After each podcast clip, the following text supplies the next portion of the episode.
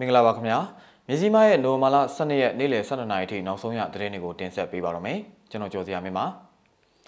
မြန်မာပြည်ရဲ့အမျက်ငွေဇက်တက်ရောကျနေတဲ့သတင်း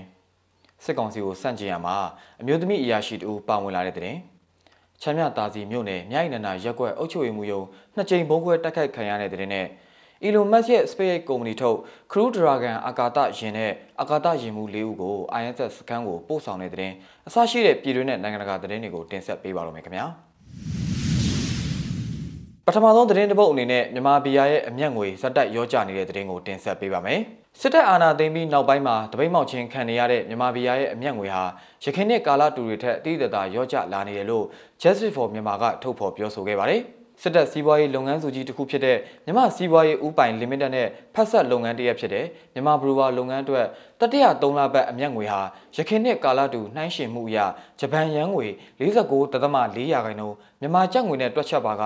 အနှုတ်43.9ရာခိုင်နှုန်းရော့ကျခဲ့တယ်လို့ကီရင်အုပ်စုကကြေညာခဲ့တာဖြစ်ပါတယ်။အဲ့လိုအမျက်ငွေရော့ကျလာမှုဟာဒုတိယ3လပတ်ထက်လည်းဆက်လက်ရော့ကျလာခဲ့တာဖြစ်တာကြောင့်အမျက်ငွေခွဲဝေမှုကိုဆက်လက်ပြီးရပ်ဆိုင်းထားရတယ်လို့လည်းသိရပါတယ်။ မြန်မာဘီယာထုတ်လုပ်တဲ့မြန်မာဘရူဝါအတွက်ဘီယာစီပိုင်းတွေဝယ်ယူရမှာလည်းအခက်အခဲတွေရှိနေတယ်လို့ကီရင်ကထုတ်ဖော်ပြောဆိုထားပါတယ်။ကီရင်အနေနဲ့မြန်မာစစ်တပ်နဲ့သူတို့စီးပွားရေးလုပ်ငန်းကိုဘလို့အဆုံးသတ်မယ်ဆိုတာပွင့်လင်းမြင်သာမှုရှိရပါမယ်။တပိတ်မောက်လှုပ်ရှားမှုတွေဟာအလုတ်ဖြစ်ထိရောက်ကြောင်းຫນွေဦးတော်လန်ရေးကတက်တည်ပြပြီးဖြစ်ပါတယ်။တာမန်လူသူတွေကမြန်မာစစ်တပ်ရဲ့စီးပွားရေးအကျိုးစီးပွားတွေကိုအမှန်တကယ်ထိခိုက်မှုတွေဖြစ်စေနိုင်ပါတယ်။ မြန်မာပြည်နဲ့စစ်တပ်ထုတ်ကုန်အားလုံးကိုတပိတ်မှောက်လှုပ်ရှားမှုတွေကတရားမဝင်စစ်ကောင်စီစီငွေကြေးစည်းဝေမှုတွေကိုရပ်တန့်စေလျက်ရှိပါတယ်လို့ Justice for မြန်မာကပြောဆိုထားပြီးကီဝင်နေနဲ့မြန်မာဘရူဝါလုပ်ငန်းလည်ပတ်မှုတွေကိုချက်ချင်းရပ်ဆိုင်းဖို့ဥပိုင်နဲ့စီးပွားရေးလုပ်ငန်းကိုမြန်မြန်ဆန်ဆန်အဆုံးသတ်ဖို့တောင်းဆိုထားပါတယ်ကီဝင်အနေနဲ့မြန်မာဘရူဝါလုပ်ငန်းလည်ပတ်မှုကိုချက်ချင်းရပ်ဆိုင်းဖို့ဥပိုင်နဲ့စီးပွားရေးလုပ်ငန်းကိုမြန်မြန်ဆန်ဆန်အဆုံးသတ်ဖို့တောင်းဆိုထားပါတယ်။ မြန်မာစစ်တပ်နဲ့စီးပွားရေးလုပ်ငန်းကိုရပ်ဆိုင်းသွားမှာဖြစ်တယ်လို့ကီရင်ဟိုးဒင်းကပြီးခဲ့တဲ့ဖေဖော်ဝါရီလကကြေညာထားခဲ့ပါတယ်။နောက်ဆုံးထုတ်ပြန်ချက်တွေအရကီရင်ဟာ၎င်းတို့ရဲ့မြန်မာဖက်ဆက်လုပ်ငန်းကိုတရားဝင်ဖျက်သိမ်းရန်ပြောဆိုဆွေးနွေးမှုတွေပြုလုပ်နေတယ်လို့သိရှိရပါတယ်။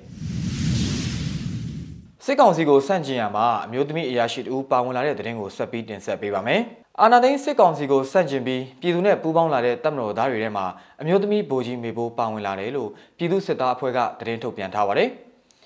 တက်မတော်အာဏာစာသိမ်းတဲ့အချိန်ကစပြီးတက်မတော်ရဲ့တရားမျှတမှုမရှိတဲ့လုပ်ရက်တွေပြည်သူတွေကိုအကြောင်းမဲ့တပ်ဖြတ်နေတာတွေကိုဘလို့မှလက်ခံလို့မရတဲ့အတွက်တော်လှန်ရေးမှာပူးပေါင်းပါဝင်ဖို့ပြည်သူဘက်မျက်နှာမူလာတာဖြစ်ပါတယ်လို့ဘူကြီးမေဘိုးကပြောပါတယ်။တက်မတော်အနေနဲ့ပြည်သူတွေကိုသာမကတက်မတော်သားချင်းချင်းလဲဖိနှိပ်မှုမျိုးစုံရှိနေတာကြောင့်တက်တွင်းမှာလဲစစ်ကောင်စီကိုစွန့်ခွာခြင်းသူတွေများပြားလာနေပြီလို့သူမကပြောကြားခဲ့ပါတယ်။ကျမကိုယ်တိုင်လည်းနောင်လာမဲ့နေ့ရက်တွေမှာတိတ်ခါရှိစွာနေထိုင်သွားခြင်းလို့ပြည်သူ့ဘက်မျက်နှာမူခဲ့တာပါ။ ကျမတို့ရဲ့နောက်လာမယ့်အနာဂတ်တွေမှာလည်းစစ်သားဆိုတာနဲ့ပြည်သူတွေကမုန်းတီးနေတာမျိုးမဖြစ်ရအောင်ဒီလိုပြဿနာတွေကိုဖန်တီးတဲ့အာဏာရှင်တွေအမြင့်ပြအောင်လို့တပ်မတော်သားအလုံးပူးပေါင်းပါဝင်ဖို့လိုအပ်ပါတယ်လို့ဗိုလ်ကြီးမေပိုးကပြောပါတယ်။ပြည်သူစစ်သားများအဖွဲ့ဟာပြည်သူ့ဘက်ရပ်တည်ခဲ့တဲ့တပ်မတော်သားတွေနဲ့ဖွဲ့စည်းထားခဲ့တာဖြစ်ပါတယ်။ပြည်သူစစ်သားအဖွဲ့အနေနဲ့ဗတ်ပြောင်းခြင်း defension strategy ကို NUG အစိုးရကိုတင်ပြနိုင်ခဲ့ပြီးနောက်အမျိုးသားညီညွတ်ရေးအစိုးရကတပ်မတော်သားနဲ့ဆက်လင်းသောမူဝါဒထုတ်ပြန်ပေးခဲ့တာဖြစ်ပါတယ်။ ယခုကဗတ်ပြောင်းခြင်းအောင်မြင်စေရန်အာကျိုးမတက်အကောင့်ထဲပေါ်ပေးနေကြတဲ့အဖွဲ့အစည်းများစွာပေါ်ပေါက်တာကြောင့်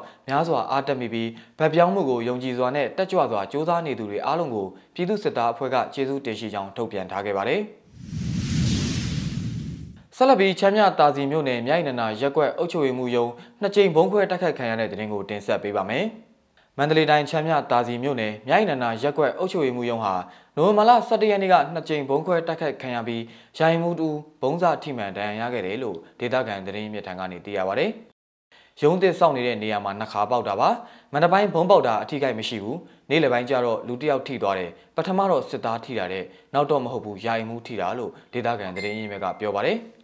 နေ့လယ်ပိုင်းကျမှလူတယောက်ထိသွားတယ်ပထမတော့စစ်သားထိတာတဲ့နောက်တော့မဟုတ်ဘူးယာယီမှုထိတာလို့ဒေသခံအရင်မြစ်ကပြောပါတယ်မြိုင်နန္နာရက်ကွက်52လမ်းနဲ့53လမ်းကြား114လမ်းနဲ့115လမ်းကြားမှာရှိတဲ့အတစ်ဆောက်လုပ်နေတဲ့ရက်ကွက်အုပ်ချုပ်ရေးမှုရုံးမှာမနက်7:00နာရီမိနစ်30ခန်းကတစ်ကြိမ်နေ့လယ်10:00နာရီမိနစ်30ခန်းကတစ်ကြိမ်စုစုပေါင်း2ကြိမ်ဘုံခွဲတိုက်ခိုက်ခံခဲ့ရတာပါ။ မန္တလေးမြို့မှာနိုဝင်ဘာလ17ရက်နေ့တရက်ထဲမြိုင်နန္ဒရက်ကွက်အုပ်ချုပ်ရေးမှူးရုံးအပါအဝင်စစ်ကောင်စီလက်အောက်ခံဌာနဆိုင်ရာနေရာ၃ခုမှာ၄ချိန်အထိဘုံခွဲတိုက်ခိုက်ခံခဲ့ရတယ်လို့ဒေသခံတွေထံကနေသိရပါဗျ။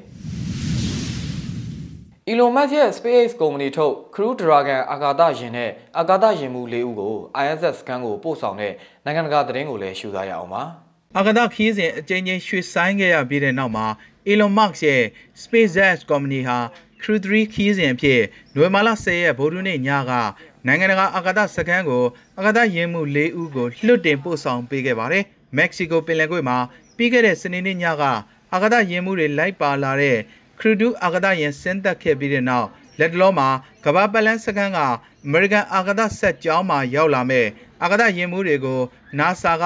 အာကာသယာဉ်မှုတူနဲ့ကြိုးဆိုဖို့လှုပ်ဆောင်နေပြီဖြစ်ပါတယ်။အဆိုပါအာကာသယာဉ်မှု၄ဦးလိုက်ပါလာတဲ့ Crew 3အာကာသယာဉ်ကို Falcon 9ဒုံးမြန်နဲ့ Florida ကကနေဒီအာကာသစခန်းကနေ Greenwich စံတော်ချိန်2နာရီ3မိနစ်မှာပြစ်လွတ်ခဲ့တာဖြစ်ပါတယ်။ Endurance အမည်က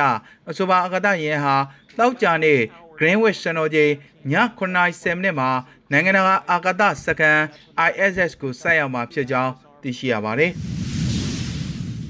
မြစည်းမရဲ့နိုဝင်ဘာလ12ရက်နေ့လယ်12နာရီထိနောက်ဆုံးရသတင်းတွေကိုတင်ဆက်ပေးခဲ့တာပါ မြန်မာပြည်သူပြည်သားပေါင်းဘေးရန်တွေရဲ့မြို့မြို့ကနေကင်းဝေးကြပါသည်ခင်ဗျာ